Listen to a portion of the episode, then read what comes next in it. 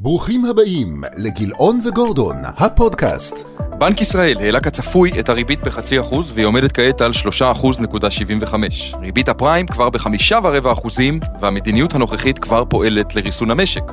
בארצות הברית התפרסמו נתונים המעידים על מיתון ללא פגיעה בשוק העבודה והמשקיעים חגגו את מה שהתפרש שוב כאפשרות לנחיתה רכה שתאפשר לבנק המרכזי להפסיק את העלאות הריבית מבלי לגרום לנזקים משמעותיים לכלכלה. לאחר שלוש שנים בהן הייתה סין סגורה לעולם, השבוע הזה עומד בפני שינוי משמעותי. השלטון הסיני נוטש את מדיניות האפס קורונה ויפתח את הגבולות לחידוש הקשרים המסחריים, האקדמיים והתרבותיים עם העולם.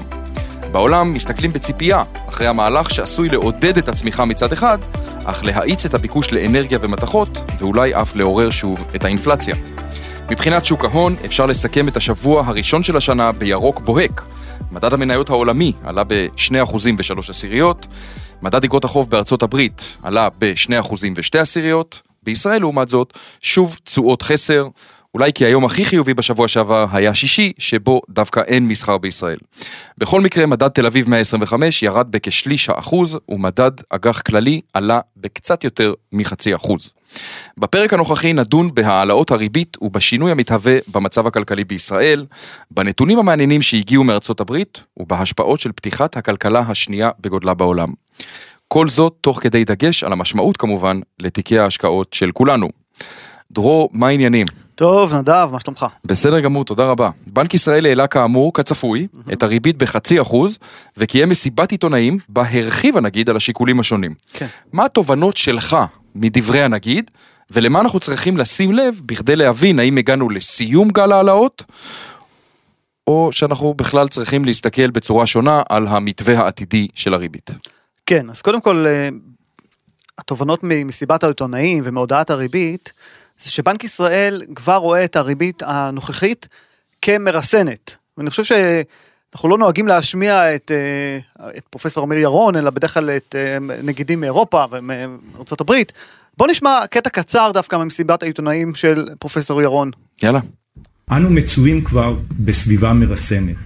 במסגרתה הריביות הריאליות לאורך העקום עלו בחודשים האחרונים ומצויות בטריטוריה חיובית לכל אורכו. זוהי תוצאה של המדיניות שבה נקטנו בחודשים האחרונים, עת ביצענו העלאות ריבית מהירות יחסית, תהליך המכונה front loading.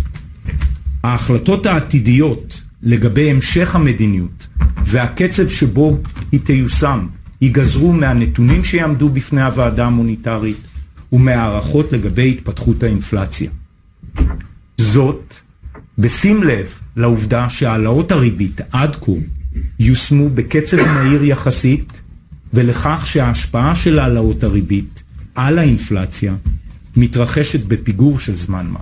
יפה, אז בעצם מה שאנחנו יכולים לראות כאן, שמצד בנק ישראל הריבית כבר מרסנת, אחד, כלומר, אם הוא רצה לקחת את הכלכלה לטיפה רגיעה והתכווצות, אז הוא כבר נמצא בטריטוריות האלה, וגם בנק ישראל מבין שלוקח זמן עד שהריבית מחלחלת, וזה תהליך uh, הדרגתי. ואני חושב שאתה מסתכל היום על, uh, משקי הבית וגם חברות, שהריבית יותר גבוהה, אז לאט לאט עוד ועוד, נקרא חברות ומשקי בית, מרגישים, כי יש כאלה למשל חברות שהנפיקו אגרות חוב, לפני שנה, שנתיים, שלוש, ארבע, מבחינתם עוד הריבית אה, לא עלתה, אבל כל פעם שחברה באה למחזר את החוב, אז אנחנו רואים איך היא צריכה לשלם ריבית משמעותית יותר גבוהה, והדבר הזה כבר אה, בנק ישראל אומר, זה לוקח זמן ובצדק, זה לוקח זמן שהדברים האלה מחלחלים. אה, בבנק מסתכלים, אני חושב היום, על האינפלציה, וככה גם אנחנו צריכים להסתכל. קודם כל לראות שהאינפלציה אכן תירגע החל מחודש אה, פברואר, ותתחיל לרדת מדרגה. שוק העבודה, שגם בנק ישראל לא רוצים לראות אותו מתוח מדי, וכמובן הנדל"ן ומה שקורה בעולם, על כל הדברים האלה בנק ישראל מסתכל. אני כן חושב שמה שדיברנו עליו לפני מספר שבועות וחודשים, שהשוק הישראלי קצת מפגר מבחינת התמחור באגרות החוב, אחרי מה שהריבית צפויה כן, להיות בפועל כן. בישראל, אז אפשר לראות uh, כרגע על המסך את הריבית העתידית לשלושה חודשים, איך היא הייתה לפני חודש.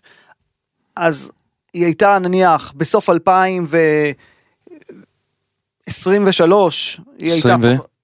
בתו- בסוף 2023, זה מה שהשוק ציפה. השוק ציפה שהריבית תהיה בסביבות השלושה וחצי אחוזים, היום הוא כבר מצפה לאזור אה, השלושה אחוזים, פסיק שמונה, פסיק תשע. אוקיי. ובטווח הקצר כבר מגיע לארבעה אחוזים וטיפה יותר, כלומר השוק כבר יישר קו, גם עם חטיבת המחקר של בנק ישראל, וגם עם אה, מה שפרופסור אמיר ירון אה, אומר, ובהחלט אה, מתמחר ריבית אז לא הרבה ראינו יותר את סוף. אה, גל ההעלאות, להערכתך יהיו עוד העלאות ריבית. להערכתי, אם, קודם כל נראה שאנחנו ממש לקראת, גם אם יהיו, לקראת הסוף, אוקיי. לפחות לפי הנתונים שרואים עכשיו. מבחינת בנק ישראל, כי מבחינתו אנחנו כבר באזור מרסן, ואני חושב שזה מה שחשוב להגיד פה, אנחנו כבר באזור מרסן, ומפה הוא אומר בוא ניתן לריבית שעלתה זמן להשפיע, כבר רואים השפעה אבל אני חושב שזה עוד ישפיע עוד, וחטיבת המחקר באה ואומרת אנחנו חוז- חוזים מבחינת חטיבת המחקר שהיא ועדה מייעצת, היא לא קובעת, ברור. אבל היא מייעצת לבנק ישראל להגיע לריבית של בערך 4 אחוזים, אנחנו ב-3.75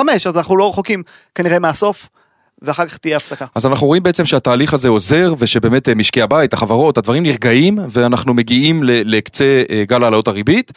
אני רוצה להקשות עליך, הממשלה החדשה אה, בישראל, יש המון דרישות לתוספות כספיות לסקטורים שונים, קצבאות לאברכים, סבסוד מוצרי יסוד, סלי מזון, הקפאה בארנונה וחשמל, ועוד ועוד ועוד, כן. וזה לא כולל אגב את אה, דרישת ההסתדרות, אה, עובדי המגזר הציבורי לא קיבלו העלאת שכר כבר שלוש שנים, הם דורשים עוד 13 אחוז העלאה. אין ספק שאם יתקבלו הדרישות, או אפילו חלק מהן, האינפלציה תתודלק מחדש, בניגוד מוחלט למה שהבנק עושה. זאת אומרת, עוד כסף יהיה אצל הציבור, הוא יוציא עוד, וכל הסיפור הזה יכול להיות שייראה אחרת. כן, אני חושב שגם אה, חטיבת המחקר של בנק ישראל לא התייחסה מספיק לאיומים. זאת אומרת, מבחינת חטיבת המחקר של אה, בנק ישראל, אני מסתכל פה על התוצר, על הצמיחה שצפויה ב-2023, מדברים על אה, 2% ו-8 עשיריות צמיחה חיובית, וגם אה, שיעור האבטלה עולה, אבל בצורה יחסית אה, לא מאוד אה, משמעותית, וגם הגירעון של הממשלה עולה, אבל גם יהיה גירעון יחסית נמוך. זאת אומרת, מבחינת חטיבת המחקר של בנק ישראל, כל הדברים שאתה מדבר עליהם, הם עדיין יוצאים מתוך נקודת הנחה שאנחנו בסך הכל שומרים על מדיניות מאוד אחראית מבחינה תקציבית. אני אולי רק ארחיב, אם אברכים יקבלו עוד כסף, הם יוציאו יותר כסף, אותו דבר לגבי עובדי המגזר הציבורי, אם המשכורת שלהם תעלה ב-13%, תהיה להם הכנסה פנויה יותר גבוהה להוצאות.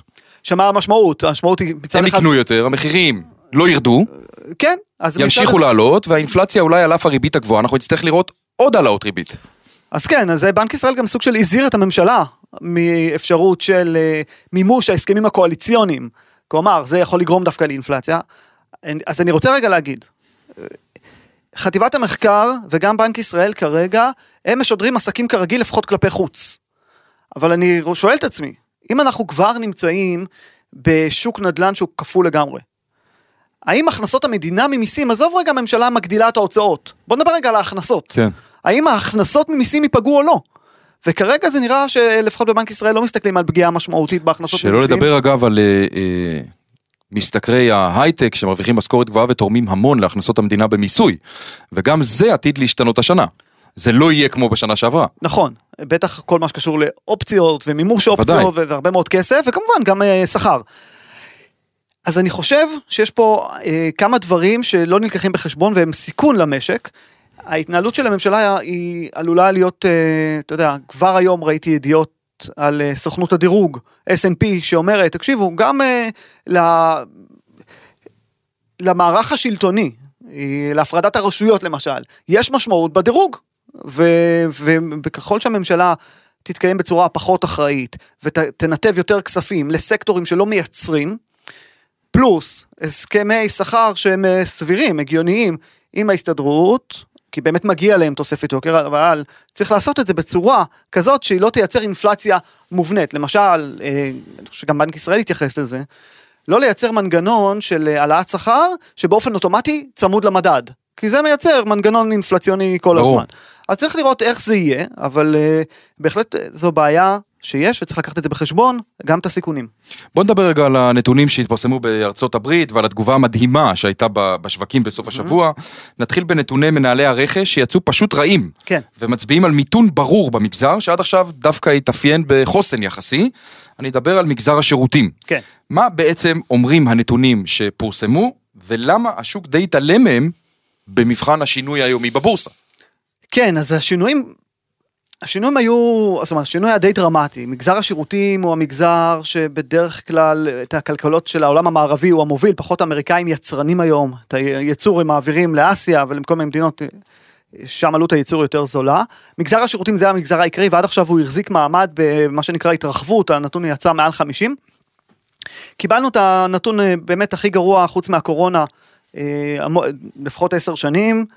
ו- ואנחנו מסתכלים על ההזמנות החדשות במגזר, בסקטור השירותים, זו הירידה החודשית החדה ביותר שראינו, ננטרל רגע את הקורונה, ממש את מרץ, ואז אנחנו מגיעים ל-2008, המשבר הפיננסי הגדול, ככה ירידה חדה במגזר הזה.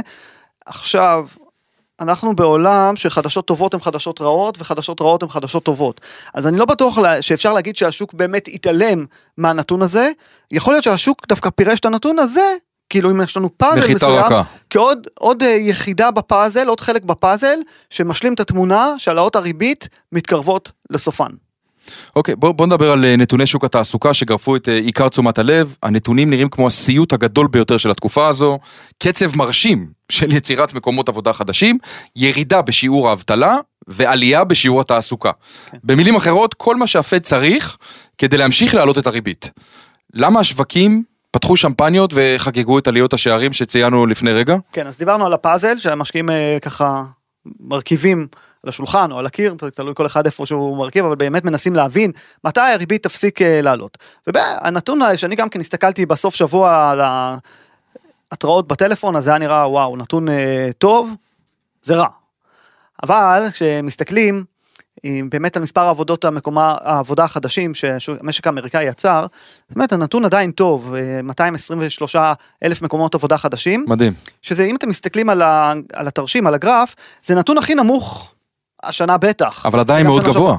אבל אם אני משווה ל-2019 לפני בדיוק. הקורונה, זה היה 168 אלף בחודש, היום אנחנו ב-223 אלף בחודש, זה עדיין נתון גבוה. אז אולי המגמה היא זותי ששכנעה את המשקיעים אז, אז, כן. לרכוש כן. מניות. אז אני אגיד, אז, אז, אז זה הנתון למעלה. אז קודם כל המגמה היא ברורה של אה, ירידה הדרגתית, אבל אנחנו עדיין באזורים טובים, לא זה העניין. אוקיי. אני חושב שמה שבסופו של דבר המשקיעים ראו, זה שהקצב של העלייה של השכר השעתי, mm-hmm. נמצא בירידה משמעותית, ואנחנו כבר לא מדברים על קצב של אה, חמישה אחוזים שהיה יציב, חמישה וחצי אחוזים, מספר חודשים ברצף, אלא גם היה תיקון לנתוני שכר מהחודש הקודם. כן. וגם הנתון הזה, 4.6 אחוז עלייה בשכר השעתי, הצפי היה לחמישה אחוזים, זאת אומרת, הנתון יצא גם יותר נמוך, נמוך ממה שציפו, וגם אה, נמוך.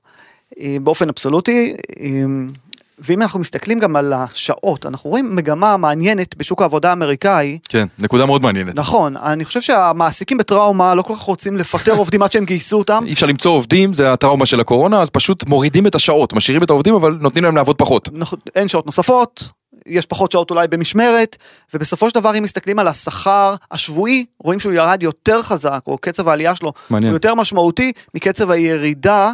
בשכר השעתי וזו הסיבה. אז אני חושב שבעצם מה שהשוק אה, מפרש, הוא דווקא מפרש אה, תרחיש של soft landing, נחיתה רכה. כן. הוא אומר אוקיי, איזה יופי, אנחנו רואים מדדים אה, מאוד חלשים מדד של מנהלי הרכש, אנחנו בהאטה כבר, זאת אומרת מבחינת אה, הבנק הפדרלי, אנחנו כבר בהאטה, האינפלציה נרגעת, השכר השעתי נרגע, אז אפשר להוריד את הרגל מהגז, אפשר להעלות פחות את הריבית, אולי רבע אחוז, אולי לא להעלות בכלל, כשבסופו אה, של דבר שיעור האבטלה עדיין בשפל של בערך 50 שנה. הוא ירד לשלושה וחצי אחוזים, זה הרמה הכי נמוכה שלו. 53 ב... שנים, אם רוצים להיות מאוד מדויקים. כן, בדיוק, אז, אז, אז אכן ככה, אז אכן כאילו יצא איזה סוף שבוע כזה שנהנו מכל העולמות. ואתה יודע. מחר מתחיל שבוע חדש בארצות הברית ואנחנו נראה לאן אה, נושבות הרוחות. בדיוק. זה מוביל אותי לשאלה אולי המשמעותית ביותר, מה זה אומר לגבי הריבית בארצות הברית? ומה זה אומר לגבי המיתון? האם הפד בכל זאת מצליח להנדס את אותה נחיתה רכה? אז זהו, זה, זה, זה הנרטיב של סוף השבוע, נחיתה רכה, איזה יופי. ואני דווקא חושב שהתרחיש הזה הוא תרחיש שהפד, הרי בוא, בוא נזכור, הפד שם דגש על שני דברים שמטרידים אותו, והדבר הראשון זה שהוא מפחד שהאינפלציה תרד, ואז תחזור לעלות. ואיך הוא רוצה למנוע את זה? על ידי זה ששוק העבודה יהיה יותר חלש. וכרגע שוק העבודה, כמו שאנחנו אומרים, שיעור התעסוקה דווקא עלה, שיעור האבטלה ירד, שוק העבודה עדיין חזק. מהמם. אז זה שהשכר עלה פחות, זה טוב, אבל זה לא מספיק. כן. אז uh, יכול בהחלט להיות מצב שהנחיתה היא תהיה רכה, אבל גם ההתאוששות היא תהיה מאוד איטית. שער בנפשך שהריבית תישאר על אזור חמישה אחוזים בארצות הברית, אבל לא תרד. תישאר ותישאר ותישאר. עכשיו, גם בארצות הברית, אולי במיוחד בארצות הברית, הרבה מאוד חברות ולווים פרטיים לקחו הלוואות למספר שנים בתקופה היפה שהריבית הייתה אפס. עוד רגע הן מגיעות לקיצן. אז אה, 2023 שנה רגועה מבחינת אה, הלוח הסילוקין של החברות. אין כמעט, אה, זאת אומרת, אין, אין החזר או צורך במחזור הלוואות משמעותי בקרב החברות. אבל ב-2024 וב-2025 מסה של אגרות חוב אמורות להגיע לשוק למחזור, צריך להחזיר אותם, וכל חברה שתצטרך לקחת הלוואה חדשה, היא כבר תצטרך אה, להתמודד עם ריבית הרבה יותר גבוהה, ואני לא בטוח שתרחיש כזה של אה, שהכלכלה האמריקאית ממשיכה להיות די טובה. עם צמיחה מאוד נמוכה, אבל עדיין צמיחה וחשש של הבנ- הבנק המרכזי להוריד את הריבית, הוא תרחיש שהוא בסופו של דבר טוב אה, לחברות, טוב למניות. אני רוצה רגע שנחזור לאינפלציה, אנחנו רואים מגמה עולמית אגב של אה, היחלשות באינפלציה. יחד עם זאת הנתונים שפורסמו באירופה הפתיעו לחיוב בדיוק במקום שלא היינו רוצים שהם יפתיעו לחיוב. המדד הכללי הפתיע לשלילה, כן, מדד הליבה עלה. כן. מה, מה הצפי? מה הולך לקרות שם? האמת היא זה די מדהים לראות את, ה, את הגרף של אה, מדד הליבה, זה פשוט זינוק אה, מטורף אה, מאמצע 2021, ולמעשה מדד הליבה באירופה הוא בשיא שלו היום. הוא בשיא, אין טיפת התמתנות, אנחנו ברמה הכי גבוהה שראינו ב-25 שנים האחרונות. אה, ונראה לי שבעצם באירופה, בניגוד הברית, ואולי גם בניגוד לישראל, יש לנו עוד דרך די משמעותית של אולי העלות נגיד ריבית. בשתי מילים, מדד הליבה, נזכיר רגע מה זה שוב? מדד הליבה זה המדד בנטרול מחירי האנרגיה והמזון שנחשבים תנודתיים, זה מדד שהוא יותר אמור למדוד את האינפלציה הדביקה יותר, זאתי שבאמת אה, מלמדת אה, על המגמות, כי סתם לצורך העניין, אירופה נהנית בינתיים מחורף מאוד מאוד חם. מה זה עושה למחירי האנרגיה? מלבד איזה שבוע וחצי, אתה צודק. כן, אבל בגדול זה חו- חורף מאוד מאוד חם אה, באירופה, וזה מרסק את מחירי האנרגיה והחימום, ו- ואז מקטין את האינפלציה. האם זה מעיד שנגמרו הלחצים האינפלציוניים באירופה? אז מי שעוזר לך להבין ולענות על השאלה הזאת זה מדד הליבה, שמעיד שלא. אוקיי, בוא נעבור רגע, לסין. אני רק, אני רק אסכם, תשואות, אגרות החוב באירופה, כן. נמוכות מדי. אירופה לא מתמחרת עדיין, איפה הם נמצאים קצת איפה שישראל הייתה לפני חודש וחצי, שדיברנו על זה שהעלות הריבית יותר, יהיו יותר אגרסיביות ממה שהשוק מגלם, אז היום אני מסתכל על גרמניה לשנה, הריבית היא, התשואה היא 2.6, לחמש שנים 2.3 ולעשר שנים גם כן 2.3, מקום די שטוח, זה לא מספיק. הריבית באירופה כנראה תגיע לאזור ה-4 אחוזים, אז בטווחים הקצרים היא צפויה לעלות. היא צפויה העקום לעלות. צפוי לעלות בטווחים הקצרים. בטח בחלק הקצר של העקום אולי הוא יהיה הפוך, אבל בחלק הקצר בינוני שם נראה לי שעוד אה, צפה פגיעה באגרות החוב אה, באירופה. סין? סין. סין. אחד ממנועי הצמיחה האפשריים לכלכלה העולמית נמצא שם. כן. הממשל זונח את מדיניות האפס קורונה המאוד מאוד קשוחה שלו. היום אגב זה היום הראשון מזה כמעט שלוש שנים שהכלכלה הסינית חוזרת לעסקים כרגיל. כן. מה ההשפעות שצפויות על השווקים, והאם הסינים יהיו מתונים בהוצאות שלהם ביחס לעולם המערבי שהסתער על החופשות והצריכה, כן. איך שפתחו פה, כל אחד נסע אה, אלפיים פעם לחו"ל וקנה כל מה שהיה חסר לו, כן. אה, והחליף את כל כל מה, מה יהיה עם הסינים? לא, אני, אני חושב שבסופו של דבר בני אדם הם בני אדם. ו... גם סינים. גם סינים הם בני אדם וככה צריך להסתכל על זה ואני לא חושב שיש לצפות להתנהגות שונה משמעותית של הסינים מאשר מה שראינו באירופה, בארצות הברית ובישראל. הם צברו גם הרבה מאוד חסכונות, תחשוב, אה, כולנו זוכרים כמה אנשים חסכו בתקופת הקורונה בעולם המערבי, גם בישראל כמובן, ואז איך הכסף הזה שימש אותנו להגדלת הצריכה לתקופה שלדעתי נמשכת עד היום. אז אה, גם בסין אה, צברו הרבה מאוד חסכונות, החסכונות האלה ימצאו את עצמם מומרים לבילוי בתיאטרון, בילוי במסעדות, טיולים, צריכה וכל מה שקשור לזה, ובהחלט אה, זה יכול לעשות טוב לכלכלה העולמית, אה, לסחר אה, ולצמיחה העולמית באופן כללי. זה גם יכול לעשות טוב ואז רע למחיר האנרגיה, למחיר הנחושת. זה בדיוק מה שרציתי לשאול. כן. זה יכול להעלות גם אותם. זה יכול לעלות גם אותם, ולסבך מאוד את התזה של האינפלציה הולכת להירגע. סתם, לצורך העניין, זו הכלכלה השנייה בגודלה בעולם, כן? הם צורכים הרבה מאוד נפט. אם הם לוחצים על הגז שם בלהתחיל לייצר, הם יצרכו הרבה מאוד אנרגיה. כן, לוחצים על הגז זה לגמרי תרתי משמע שם, הם יצרכו הרבה מאוד אנרגיה, ומחיר הנפט יכול לחזור לעלות מעל 100, 120, ואנחנו נראה, נהיה בסרט אחר לגמרי מבחינת היכולת של הבנקים המרכזיים להפסיק להעלות את הריבית, ולכן זה יכול להיות גם חרב פיפיות, הפתיחה של הכלכלה הסינית. אה, כן נגיד, שלא צריך לצפות אולי רק מסיבה טכנית לבוסט מאוד גדול, בגלל שיש שם תחלואה מאוד מאוד גבוהה כרגע. כן. כשיש תחלואה מאוד מאוד גבוהה אז אנשים לא יוצאים כי הם חולים, אבל אנחנו מכירים שהקורונה היא באה בגלים, אז אם עכשיו יש הגל תחלואה, הזה ייפסק. הוא בסופו של דבר כן, הוא יתמתן בצורה מאוד משמעותית, ו- ואני באמת חושב שאנחנו, מה שיקרה בסין השנה, הוא יכול להיות אה, הברבור הלבן אולי של הכלכלה ב-2023, ואני יודע שיש הרבה מאוד בעיות בסין, גם מבחינת התחלואה וגם מבחינה מבנית וגם מבחינת שוק הנדל"ן, אבל תמיד צריך להסתכל בכלכלה על הנתון השול, השולי, האחרון שפורסם, איך הוא משפיע. ופתיחת הכלכלה כנתון שולי לעומת כלכלה סגורה ואנשים שנמצאים בסגרים זה נתון חיובי ואי אפשר להתחמק מזה. ההרגשה היא שבכל זאת אנחנו אף פעם לא יודעים בדיוק מה קורה שם, אז uh, אני אופטימי, אני איתך בתחזית הזאת, ובוא נקווה שזה באמת יהיה הברבור הלבן, אכן כן. אבל uh, יכול להיות שנמצא גם שם בדרך ברבורים שחורים. לפני סיום, איך כל הנתונים האלה שדיברנו עליהם היום אמורים להשפיע על אגרות החוב, המניות, המטח, ההשקעות האלטרנטיביות, כן. על תיקי הלקוחות? כן, אז אני חושב שהרכיב של אגרות החוב, כל עוד אנחנו מדברים על ישראל וארצות הברית, אה, הנטייה שלי לחשוב שאנחנו בסך הכל לקראת אה, תקופה חיובית. אני גם יכול לחזק את מה שאני אומר על ידי הביצועים של השוק המקומי. שבוע שעבר קיבלנו העלאת ריבית של חצי אחוז, זה היה ברף העליון של הציפיות. אמנם היו הרבה שציפו שבנק ישראל יעלה בחצי אחוז, אבל היו כאלה שציפו שבנק ישראל יעלה ברבע אחוז. ובנק ישראל העלה בחצי אחוז, ולמרות זאת קיבלנו שבוע מאוד חיובי באגרות החוב הישראליות, בעוד שאנחנו רואים שסך הכל השוק הישראלי הוא בביצועי חסר. אז אני חושב גם בארצות הברית, אנחנו נתחיל לראות יותר ויותר דיבורים על הפסקת העלאת הריבית, אנחנו קרובים לשם anyway, גם הבנק המרכזי בארצות הברית הוא מכוון לאזור כן. החמישה אחוזים פסיק אחד, אנחנו לא רחוקים משם. אנחנו לא רחוקים בישראל, ולכן אגרות החוב אני חושב רכיב אה, חיובי לתיקים, השפעה חיובית אה, מניות? לתיקים. יש כמובן את הסיכונים שדיברנו עליהם קודם. מניות אני חושב שאנחנו עדיין אה, עדיין בשוק דובי וצריך לקחת את זה בחשבון זה יכול עוד לקחת זמן אנחנו במכפיל 17 ב-S&P 500 אחרי שהיינו במכפילים אמנם 23 אבל אנחנו ירדנו למכפיל 17 זה לא כל כך מספיק לעולם של ריבית מוניטרית של 5% לטווח ארוך ואני חושב שעדיין הר- הרכיב המנייתי הוא. הוא עדיין בשוק דובי, זה אני רק, שוב, אני חייב לשים את מה שאני אומר בפרספקטיבה הנכונה.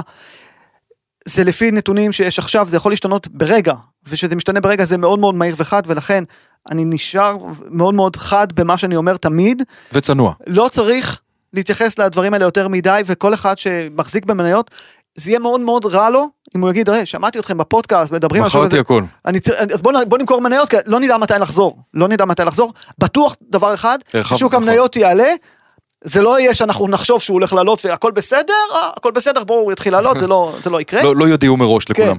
אבל כן אני חושב כדי לחזק את שוק המניות, את החשיפה, כלומר לייצר הגנה, ההגנה הזאת תבוא השנה אה, לידי ביטוי, עוד פעם, מטח ב, אה, בש, בתיקים, שתי מילים על המטח. אז המטח אה, בתקופה האחרונה, דיברנו על זה שבוע שעבר גם, קצת התנתק מהקורלציה הרגילה, זאת אומרת, השוק הישראלי בביצועי חסר, נקודה. והוא בא לידי ביטוי, הפיצועי חסר באים לידי ביטוי בשוק המניות, באים, ל, באים לידי ביטוי חולשת השקל. בחולשת השקל, בפתיחת מרווחים, קצת התחלנו לראות פתיחת מרווחים בשווקים הבינלאומיים, לכל מה שקשור למוצרים הישראלים, אגרות חוב ו- ו- וגם ספרדים של חברות. ו- ועל כן שוק המטח או החזקה דולרית היא החזקה חשובה. חשובה בתיקי השקעות ואם אפשר לבצע אותה על ידי השקעות שגם מניבות תשואה גבוהה, מביא אותי לשאלה הבאה, כן, אוקיי. באלטרנטיבי. בדיוק, אז- בהשקעות אלטרנטיביות, מה השקעות מה דעתך? אלטרנטיב- אז השקעות אלטרנטיביות מאוד מאוד תלוי איזה השקעות אלטרנטיביות, כן? אנחנו לא בעד שו, שווקים שאין שם שערוך ובגלל זה זה נקרא אלטרנטיבי, לא, אלטרנטיבי צריך להיות באמת אלטרנטיבי, משהו שהוא רחוק מהמחזור הכלכלי. אנחנו נעשה אגב כמה פרקים, אנחנו אה, השנה, אנחנו בהחלט ניגע בזה, נעשה פרקים אה, ייעודיים על השקעות כן. אלטרנטיביות, קצת ניתן דוגמאות ונסביר, אה, זה יקרה בהמשך השנה. נכון, אז, אני, אז, אז בהחלט חשוב להחזיק השקעות אלטרנטיביות שיכולות להמשיך לעלות אמיתית, גם ששוק המניות חלש, וגם שהמחזור הכלכלי הוא שלילי. דרור, המון תודה. תודה תודה רבה. ליותר מששת אלפים מאזינים שהאזינו לפרק הקודם. תמשיכו לשלוח לנו אה, שאלות ולהביע עניין, אנחנו מאוד שמחים ואוהבים את זה. אנחנו נתראה כאן ממש בשבוע הבא. תודה לכולם. ביי, תודה. להתראות.